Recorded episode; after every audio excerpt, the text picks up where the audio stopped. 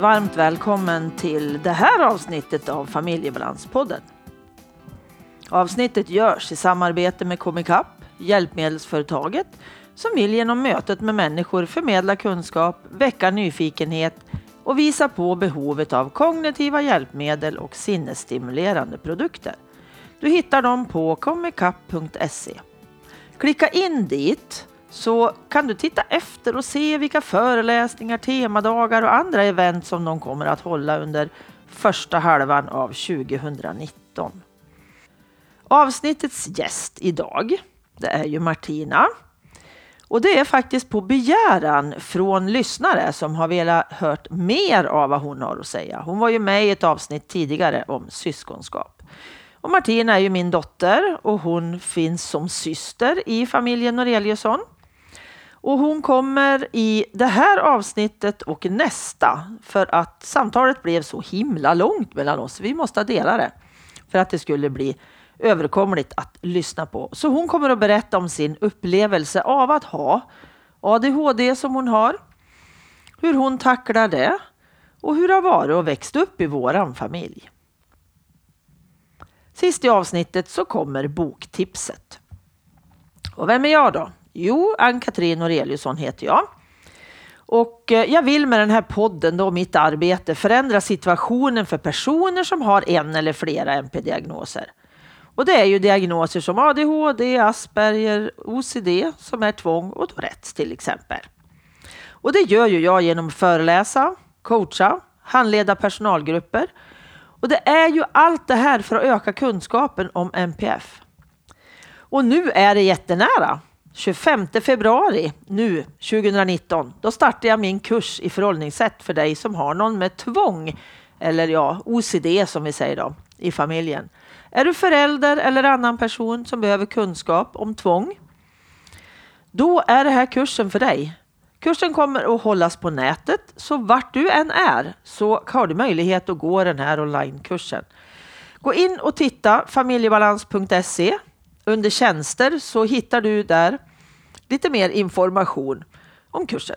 Att vara anhörig till någon med tvång eller OCD det är väldigt krävande och det kan jag skriva under på som har någon med OCD i min familj.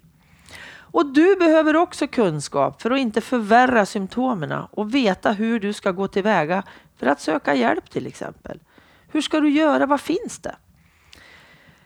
Så kursen innefattar ju kunskapsökning, ditt anhörigskap kommer vi att prata om och vad finns det för hjälp att få? Och du kan vara med i kursen vart du än bor. Vill du veta mer så skicka ett meddelande till mig på Familjebalans Facebook-sida. Välkommen in att lyssna till Martinas och mitt samtal.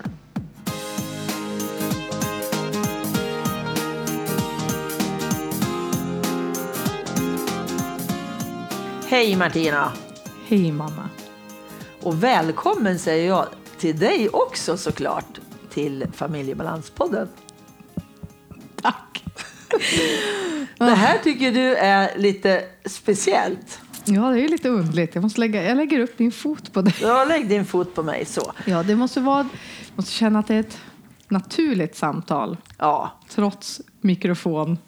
Precis, och poddapparat mm. och att det är ett helt annat sammanhang som vi pratar i nu. Än vad vi brukar prata i. Precis. För prata, det kan vi. Ja, det har vi gjort så många gånger. Ja. Men nu ska vi försöka summera lite grann. För vi har fått, eller jag i podden då, har ju mm. fått önskemål om att du ska vara med mer i podden och berätta från ett kvinnoperspektiv, flickperspektiv, alltså alla dina åldrar. Hur det har varit att ha ADHD. Mm. Och, och växa upp som också, tänker jag, en, en bifigur mm. I, till, till viss sätt i en familj. Absolut. Det har vi också berört lite förut. Men det... Ja, men, men det är så viktigt att lyfta syskonen. Mm. Och fast du har egen diagnos du utreddes ju som 11-åring mm. för ADHD och det blev en ADD. Ja, just då. Just då. Och jag såg det ganska snart som att det är en ADHD med en depression. Mm. För att du var låg då och det var för att du mådde så fruktansvärt dåligt. Ja, det gjorde jag. Mm. Nej, och det känns ju jättekul att mitt perspektiv efterfrågas. Mm. Jag då som är väldigt eh, lite narcissistisk av mig. Nej. Extrovert. Ja, extrovert. Nej, men egen, jag älskar ju uppmärksamhet. Så att för mig är det ju jättekul om någon tycker att det känns roligt att lyssna. Ja. Så det, Och jag tänker så här, att det inte bara är roligt, det är Nej. så viktigt. ja, jag älskar ju kunskap och jag tycker att alltså, kunskap är ju makt. Och eh, vi behöver... Alltså att lyfta perspektiv av olika sorter blir ju så enormt viktigt, tänker jag. Mm. att eh, det är eh, Ja, alltså det, det är A och O för, Ja. att, eh, ja, men för att man både ska kunna kanske få ro i sig själv. Att lyfta olika sorters perspektiv. Det finns olika sorters människor som kommer att, ja men shit, det där känner jag igen mig i. Eller jag är inte ensam. Mm. Och det är så viktigt för det här med till exempel ditt slagord att kunna skrota skammen. Mm. Ju fler som lyfter ett perspektiv desto enklare är det, tänker jag, att man, man kan känna att oj, det här är ju någonting som jag inte är ensam om. Och då är Nej. det lättare att inte skämmas, tänker jag. Ja, för är vi fler så blir vi ju starkare också, Ja. tänker jag. Ensam är ju inte stark, det kan Nej. man ju inte nog betona. Nej, precis. Men kan du berätta lite kort, vem är du, vem är du då Martina? Ja, jag är ju Martina Noreliusson. Mm. Eller det är vad jag heter i alla fall. Eh, jag är 30 år. Ja, Mm. men jag lever med min sambo som heter Fredrik och vi har två barn tillsammans. Vide Mm. som är tre och Lo som snart är ett år. Jag jobbar som familjebehandlare. Är utbildad socionom. Och eh, har vuxit upp tillsammans med dig, min pappa och min bror. Som har varit med i podden många gånger. Och, eh, Mm. Och du har varit med en gång tidigare? Ja, en gång tidigare. Mm, För länge sedan, det var när podden var relativt ny. Ja, och Vide var en bebis. Ja. Nej, men så att då... Ja, och då pratade vi ju en del om syskonskap. Och det kommer vi ju säkert beröra idag också, för det är ju någonting som eh, jag i vuxen ålder och framförallt kanske de senaste åren har förstått väldigt mycket har påverkat mitt liv och den jag är idag. Otroligt mycket. Det gör ju det. Ja, det gör ju det. Så Äh, det är viktigt att lyfta. Jätteviktigt. Och då tänker jag också på den här om ni som lyssnar ser att Skuggsyskon med Östra Teatern kommer att finnas någonstans och gå och se den. Den är jättebra. Vi hade den i Hudik i november 18 blir det nu då. Ja men precis, och just det här med skuggsyskon, bara Mm. som en parentes, det är så viktigt att prata. Jag har pratat med kollegor och vänner om just det här att vi är ju rätt många Mm. som växer upp i, i, i skuggan av ett syskon. Mm. Som behöver jättemycket. Som behöver jättemycket hjälp Ja. Mm. eller vård eller vad det nu må vara. Och, och vikten av att inte... Eller för, ja, för det jag upplever det har genererat bland annat för mig är ju att jag har behövt bli enormt självständig. Mm. Alldeles för tidigt. Ja, och eh, vilket kanske har påverkat mig som vuxen väldigt mycket utifrån att Ja, men både att jag kan uppleva att jag kanske har ett enormt jag har ett enormt behov av att bli bekräftad. Men också att det är alltså att, att klara sig själv har blivit jätteviktigt. Och samtidigt finns det, har det alltid funnits någonting i mig som är Alltså jag behöver någon annan. Och har varit jätterädd för att bli lämnad. Haft en enorm separationsångest och dödsångest. Som barn framför allt. Och jag tänker att mycket har handlat om det här med att men jag vet aldrig om jag har mina föräldrar. Nej. Ovillkorligt. Nej, men Ja, vi har ju precis. vetat om att ni har älskat mig. Det har jag ju aldrig behövt tvivla på. Det får man ju vara jättetacksam för. Men att tiden, Mm. den har jag inte vetat om. Om jag har haft. Nej.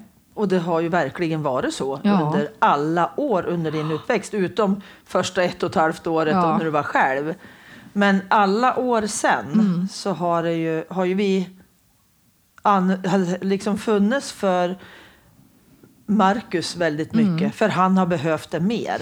Och Mm. Ja, det har ju varit mer orättvist. akut. Mm. Ja, och det blir ju väldigt orättvist. Ja. Men, Nej, men ja, och, och det som jag tänker är viktigt i det här är ju att kunna skilja, jag som vuxen har kunnat skilja mellan vad som är Alltså framförallt jag som förälder. Alltså jag förstår fullt ut att har man ett barn som behöver ens akuta närvaro på ett eller annat sätt eller vad heter det, både fysiskt och, och psykiska närvaro så är det ju så. Men vad gör man? Det man behöver kanske prata om är vad gör jag utöver det?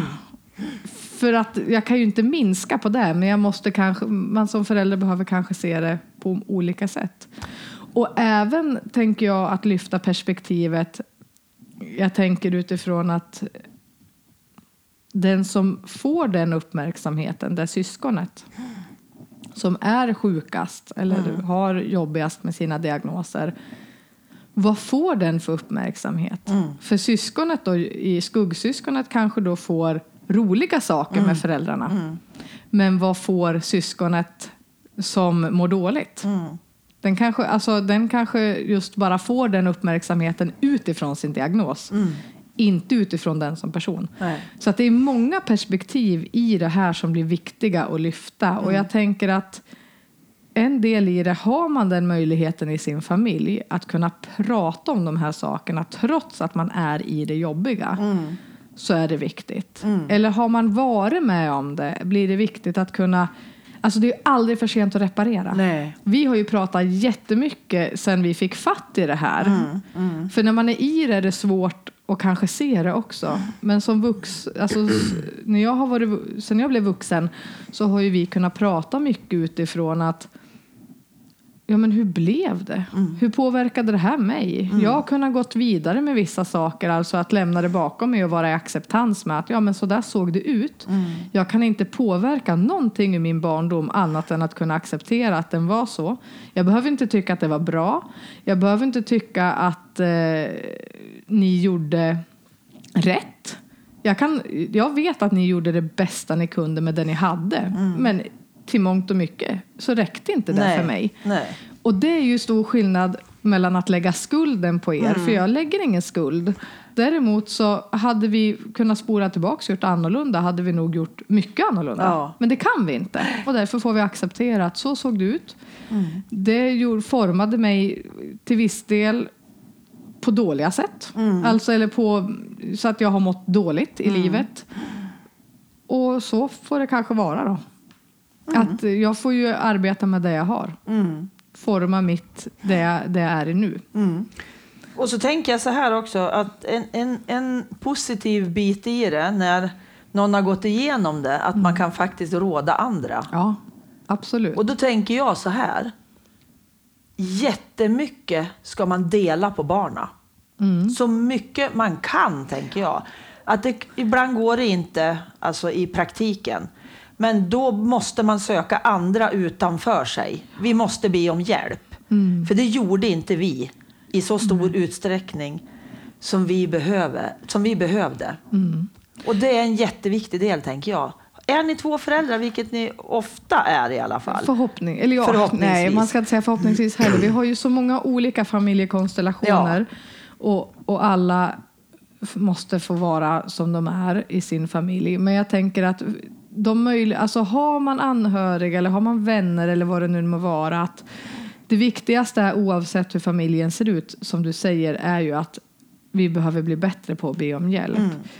Och kan jag inte är, vi är ju olika vad vi har med oss i våra ryggsäckar, hur lätt det är att be om hjälp. Men jag tänker att Jag hade jättesvårt kan jag Ja, säga. och har man svårt för det så kanske man om, man, om man hör det här i alla fall, att man kan alltid försöka tänka sig hur är det för mitt barn?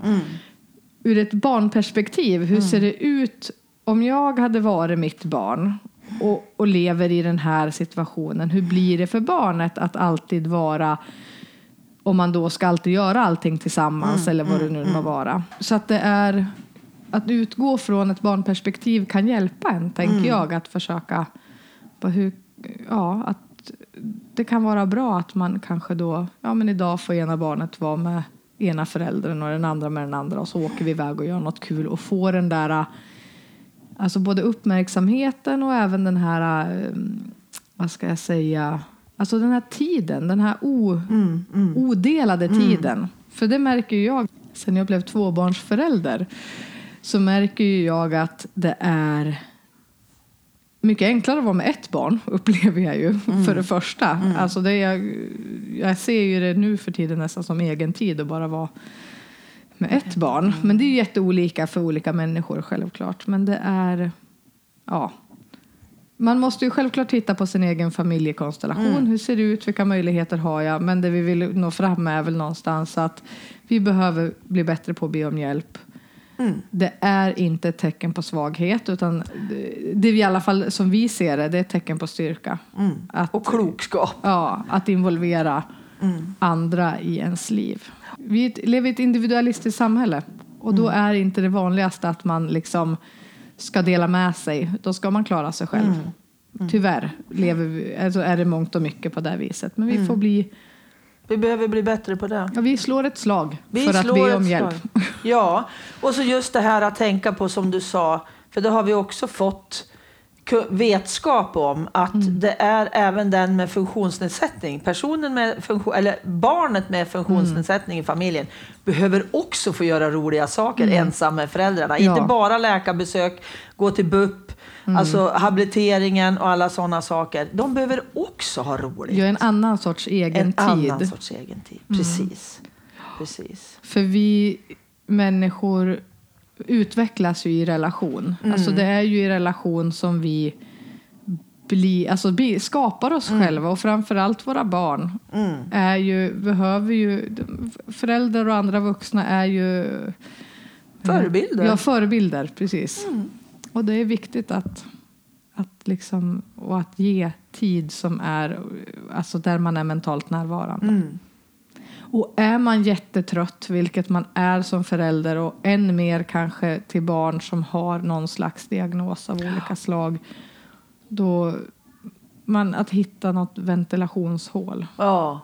Föräldragrupper, attentions, anhöriggrupper, vad som helst. Men det tänker jag att du har lyft en miljard gånger redan. här Men jag podden. tänker också, vi säger det. Ja. Anhörigstöd ska finnas inom kommunen. Ja, Det är lagstiftat. exakt. Sedan 2009. Nio. Men Vi just att anhörigstöd är kommunerna skyldig att ge. Tyvärr, Det ser olika Ja, ut det i ser landet. väldigt Mm. olika ut i landet hur man väljer att fördela det inom kommunen. Men det kan vara bra att veta. Mm. Ja. Men nu tänker jag gå tillbaks lite i tiden Mm. och backa ända ner till dagis, säger jag då. Och så vet jag att du får lite spel, för nu heter det förskola. Då hette det dagis. Mm. Och du var ju tre år när du började på dagis, Mm. förskolan då. Föris säger man nu va? Mm. Lite coolt sådär. Dagis och föris. Jo, du var ju tre år. Marcus var ett och ett halvt. Mm. Kommer du ihåg någonting av den här? Det var ju två år då tills du var fem.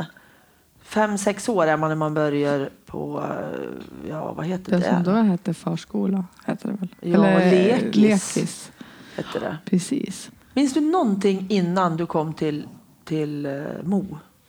Ja, alltså lite grann sådär. eh, Jag minns att jag tyckte inte om att ha mina tröjor nedstoppade i byxorna. tror jag. Nej, hatar du.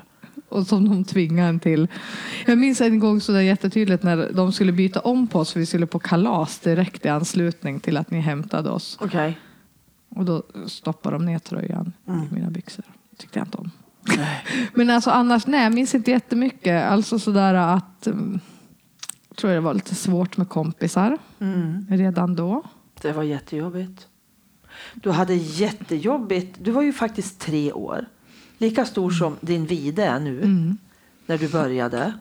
Och du hade ju otroligt svårt att komma in i barngruppen liksom, med barnen. Du gick ju efter fröknarna Ja. i ett år.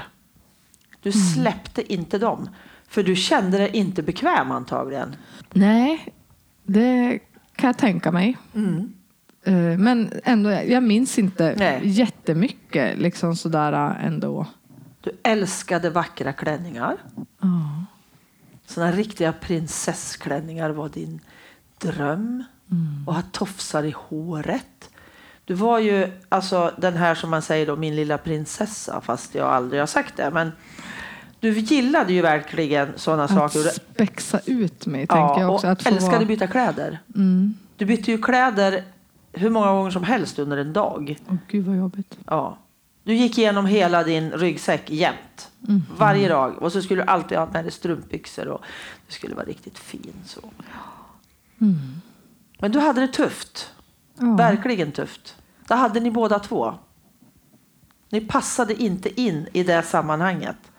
Nej, Och då fanns det ju fortfarande dagmammor. Och jag ville... eller gör det fortfarande. Gör det? Okej. Beroende på kommun, tänker Ja. jag väl. Men... Och det var ju lite det här att det var min, min tanke att ni skulle ju passa mycket bättre där. Mm. Men jag var för feg för att göra något åt det. Mm. Nej men det var en, för då, då i min värld så blev det att då dissade jag något. Ja, Det var ja. jag som dissade. Det var inte att ni inte klarade av det. Så jag kunde inte ställa det kravet då, för då hade inte jag än kommit till det här att ja men alltså nu måste det göras någonting. Nej, utan då blev det liksom som att du skulle säga till personalen då på förskolan att ni är inte kompetenta Nej. att ha hand om mina barn. Det var precis så. Det var, handlade inte liksom om att det var inte ni, ni orkade inte vara i det sammanhanget. Nej, stor barngrupp. Stor barngrupp och då timmar. var den ändå inte så stor som den är för många förskolor idag. Nej. Men sen då så var det ju dags för eh, lekis det här året innan skolan började. Ja. Hur var det? Minns du något? Jag vet att du har jättesvårt Ja. att minnas alla de här åren som var så himla jobbiga. ja, men precis. Nej, alltså jag... Alltså det är så här bara fragment av, alltså typ när jag slog ut min framtand eller Mm. alltså sådär äh, små mm, flårtanten minns jag att vi hade. Alltså det är bara så här små pluttefragment. Att jag tyckte om att äta falu rågrut med smör på och eh, doppa den i chokladen på frukosten. För då smälte smöret ut i Choklad. i choklad. Alltså såna, bara såna små, små, små Ja. fragment. Men inte liksom, Inte i det stora hela hur dåligt du egentligen mådde. nej inte så. Och att, jo, men att jag var tvungen att ha vantar på mig för en fröken. Ja, och det Som har du skulle- hatat Ja. i hela ditt liv. Alltså, och sen, jag minns mer från skolan så här, att jag hatade strumpor på mig. Mm. Vägrade ha det. Kompisarna tyckte jag var jättekonstig. Du hade glasögon från när du var fyra år. Mm. Och det var ju också en väldigt jobbig del för du fick ju höra saker runt. Ja, det, Det vet jag att Ja. jag fick höra när du kom hem. Att det var någon som hade sagt något elakt och sådär. Och jag hoppas att det är bättre idag faktiskt. Ja, För- i, i och med att mitt äldsta barn Vide har ju också glasögon. Så Ja. det hoppas jag verkligen att Ja. det är. Sen han var två Ja. i princip. Precis. Nej, Mm. men så att det är, ja, det enda jag minns med glasögonen är att jag tyckte jag var så jäkla bra på underörnens alla vingar. För jag hade ju alla färger på mina glasögon. Nej, men liksom, jag tror att alltså, när man har haft en uppväxt som är ganska jobbig så alltså, hjärnan är ju inte sämre än att den är väldigt bra på att välja, alltså att ta bort. Alltså att man minns inte det som har varit Nej. jättejobbigt. För att alltså, det är en försvarsmekanism. Mm. Sen var det ju dags för ettan då. Ja. Och det var ju också... Ja. Alltså du, du hade ju svårt med kompisar. Ja, och jag... Du var inte riktigt accepterad. Nej, alltså jag, jag har ju svårt att minnas mycket av de där bitarna. Eh, det jag vet är väl att jag vet, alltså det var ju väldigt mycket det här att man ska leka två och två. Att jag har väl försökt liksom komma in i kompiskonstellationer men att ja, men kanske lite på nåder eller sådär. Alltså, Den upplevelsen. Men jag vet ju, alltså utifrån det ni har berättat, alltså jag, hade ju, kunde inte, jag hade ju svårt att läsa och skriva Länge. ja. länge. Alltså upp, när lärde jag mig läsa? När du skulle utredas, Mm. när du var 11, då var ju vi på, på ett sånt där förberedande besök, eller vad man ska Ja. säga, hos kurator. Där du skulle fylla i ett formulär. Då upptäckte jag att du inte kunde läsa. Mm. Och då var du 11. Och då hade vi ändå suttit med läsläxor. Och vi hade hållit på, Mm. men du hade inte knäckt koden i alla fall. För att du gissade så ofta och Mm. orkade inte. Nej. Du ville ju inte, för det var så jäkla jobbigt. Och då skulle man, jo men nu ska det läsas. Mm. Och så skulle vi, ja så var det jättestökigt och bökigt och bråkigt och vi vart osams. Mm. Och då lägger man ner, för då är, då är affekten så hög så det, det Det finns ju ingen Det går ju inte, mottagare. nej. Barnet, eller i mitt det här fallet jag, man, när man är så uppgiven, arg, ledsen Ja. så är det ju ingen idé att fortsätta Nej. traggla någonting för att Och då när vi satt där och du skulle läsa de här frågorna som var anpassade efter ett barn då i den åldern och du bara gissade. Alla ord som var mer än tre bokstäver kan vi säga, de gissade du på de där tre första.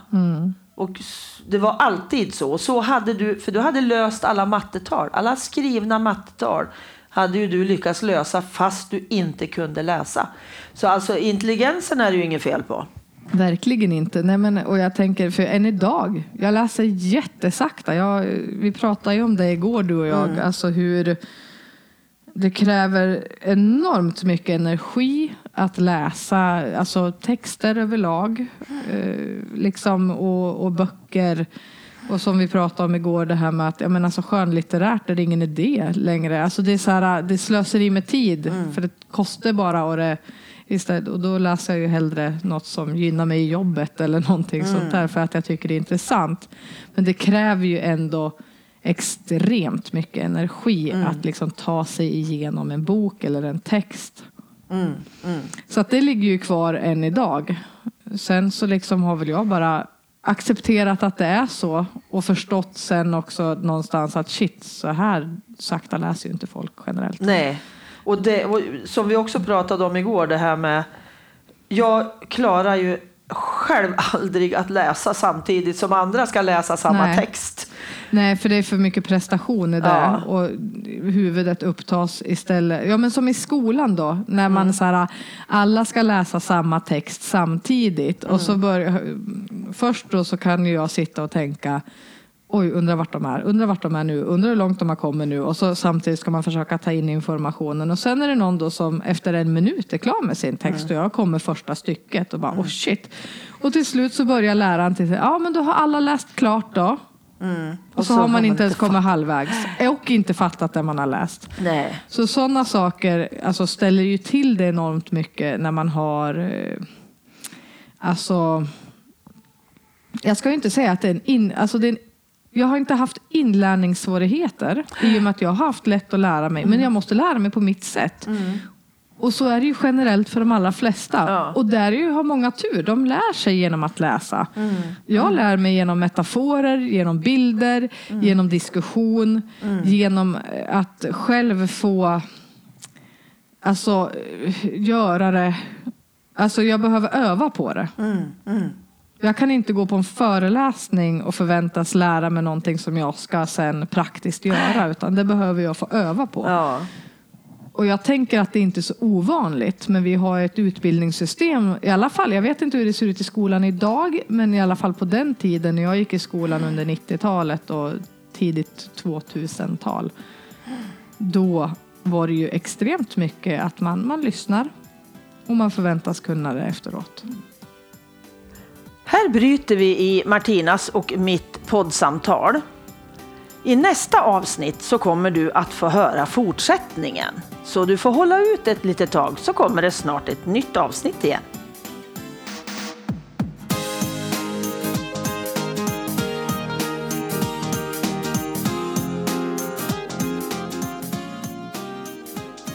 Boktips.